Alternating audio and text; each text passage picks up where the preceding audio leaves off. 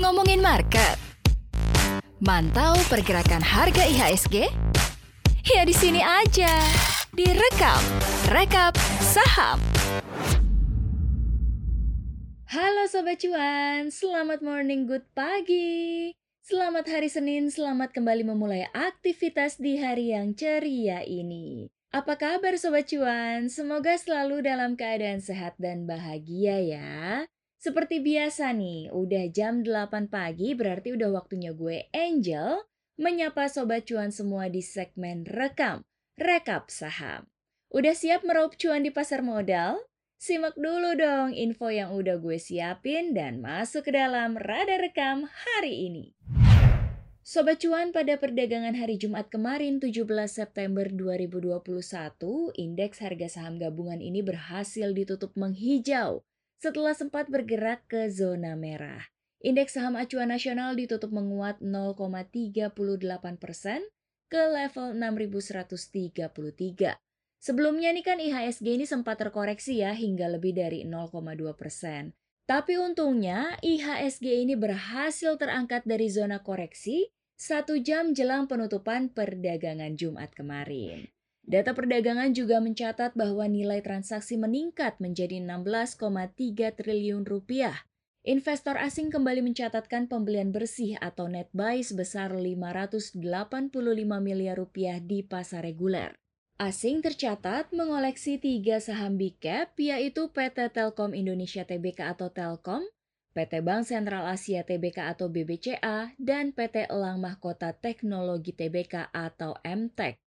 Sementara itu dari penjualan bersih, asing tercatat masih melepas saham consumer big cap PT Unilever Indonesia Tbk atau UNVR, saham produsen alat berat pertambangan PT United Tractors Tbk atau UNTR, dan saham gas negara PT Perusahaan Gas Negara Tbk atau Pegas.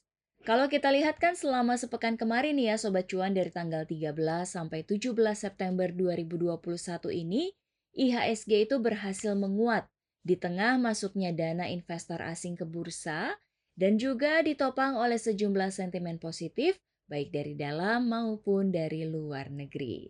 Ya kita doakan ya Sobat Cuan semoga hari ini nih IHSG juga bisa ditutup menguat di zona hijau. Ada kabar mengejutkan datang dari MNC Group nih Sobat Cuan, milik pengusaha nasional Harita Nusudibyo. PT MNC Vision Networks Tbk atau IPTV yang merupakan anak usaha dari MNC Group, ini memastikan bahwa rencana merger anak usahanya yaitu PT Asia Vision Network atau EVN dengan Malaka Straits Acquisition Company Limited atau MLAC ini tidak berlanjut. Alhasil, anak usaha IPTV tersebut batal masuk Nasdaq, bursa saham Amerika Serikat. MLAC ini adalah perusahaan cek kosong atau Special Purpose Acquisition Company atau SPAC yang tercatat di bursa Nasdaq Amerika Serikat dengan kode saham MLAC. Dalam keterangan resmi IPTV disebutkan dengan merger ini bahkan diperkirakan nilai performa perusahaan akan mencapai sebesar 573 juta dolar Amerika Serikat atau setara dengan 8,02 triliun rupiah. Sekretaris perusahaan IPTV Muharzi Hasril menjelaskan alasan dibalik keputusan tersebut bahwa proses transaksi merger keduanya ini sebetulnya digodok sejak semester kedua tahun 2020. Dan pada saat itu, transaksi SPAC ini masih sangat diminati investor di bursa Nasdaq. Akan tetapi, memasuki di tahun 2021 terjadi banyak sekali transaksi SPAC di Nasdaq. Sehingga kondisi ini berpengaruh terhadap valuasi karena SPAC menjadi overcrowded, termasuk berakibat pada harga saham MLAC ini yang tetap berada di bawah nilai nominal 10 dolar Amerika Serikat per saham. Padahal ya Sobat Cuan, target merger ini itu diharapkan bisa terrealisasi pada kuartal kedua atau ketiga di tahun ini. Ya, tapi ternyata takdir berkata lain gitu ya. Meskipun agak sayang, tapi kita doain aja ya biar ada jalannya gitu merger ini bisa segera terlaksana sesuai rencana. Berikutnya ada kabar dari saham ex Bank Senturi dan Bank Mutiara yaitu PT Bank Trust Indonesia Tbk atau BCIC yang mengalami nasib yang malang. Sudah setahun lebih nih Sobat Cuan saham ini tidak ditransaksikan para pelaku pasar. Sebulan terakhir malah terkena auto reject bawah berjilid-jilid. Aduh, Penurunan harga saham BCIC ini terjadi di tengah rencana bank bermodal cekak ini untuk menambah modal dengan skema hak memesan efek terlebih dahulu atau right issue sebanyak-banyaknya 4,54 miliar saham. Mengacu prospektus yang dipublikasikan manajemen BCIC, saham yang baru diterbitkan tersebut merupakan saham seri C yang setara dengan 45,40 persen dari jumlah saham yang ditempatkan dan disetor penuh dalam perusahaan. BCIC menetapkan nilai nominal right issue tersebut Rp100 per saham dengan harga pelaksanaan Rp330 per saham. Dengan demikian, dari right issue X Bank Century ini bakal meraup dana sebesar 1,50 triliun rupiah. Jika menggunakan peraturan OJK yang terbaru, maka BCIC ini masuk ke dalam kelompok bank modal inti 1 di mana modal intinya ini masih di bawah 1,5 triliun rupiah per kuartal 2 2021. Artinya, ini BCIC masih membutuhkan tambahan 1,5 triliun lagi hingga akhir 2022 guna memenuhi ketentuan OJK yang menetapkan modal inti minimum di 3 triliun rupiah. Sobat cuan masih ada yang nyangkut di sini nggak? Atau udah berhasil cut loss? Semoga BCIC bisa kembali menunjukkan performa baiknya lagi ya Sobat Cuan ya, dan bisa ngasih cuan lagi nih untuk kita semua. Next!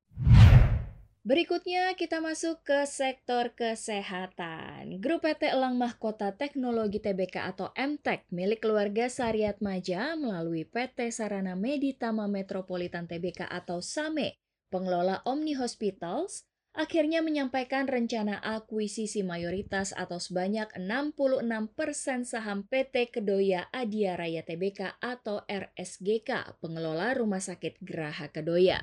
Saham yang dikendalikan MTEK dengan porsi saham 75,14% ini akan mengambil alih total sebanyak-banyaknya 66% saham RSGK dengan nilai nominal seharga Rp200 per saham dan harga pembelian Rp1.720. Dengan demikian, Same menggelontorkan dana hingga 1,06 triliun rupiah. Manajemen Same mengungkapkan dengan rencana menambah kepemilikan sahamnya hingga melebihi 50 persen, maka terjadi pengambil alihan RSGK. Adapun pembayaran atas pembelian saham RSGK tersebut akan dilakukan secara tunai oleh Same dari hasil yang telah diterima oleh perseroan berdasarkan penambahan modal perseroan dengan hak memesan efek terlebih dahulu periode 2 atau right issue yang telah mendapatkan pernyataan pendaftaran efektif per 2 Juli 2021 lalu. Seperti yang kita tahu ya Sobat Cuan, kalau emiten-emiten di sektor kesehatan, khususnya rumah sakit, ini kan jadi salah satu sektor yang diuntungkan, terlebih di tengah situasi pandemi COVID-19 seperti sekarang ini gitu ya. Jadi gimana Sobat Cuan? Tertarik nggak untuk mengoleksi sahamnya? Atau udah punya nyicil beli lagi gitu? Atau masih menimbang-nimbang baik buruk beli enggak gitu ya? Yang pasti sih uh, kalian ketahui dulu bagaimana fundamental perusahaannya, cocok enggak dengan profil risiko kalian masing-masing karena balik lagi modalnya modal kalian, resikonya yang nanggung juga kalian. Jadi harus kalian tentukan dengan sangat bijak. Gitu ya Sobat Cuan ya. Nah itu dia Sobat Cuan rekap saham yang masuk ke dalam radar rekam hari ini. Semoga informasi yang dibagikan tadi bisa Sobat Cuan jadikan insight gitu ya dalam bertransaksi di pasar modal. Sekian dulu Sobat Cuan asupan informasi yang bergizi di pagi hari ini untuk kalian semua. Sobat Cuan juga jangan lupa untuk sarapan supaya tetap prima menjalani hari ini. Gue Angel pamit undur diri sampai jumpa lagi besok dengan sejumlah informasi yang gak kalah menarik lainnya. Bye-bye Sobat Cuan.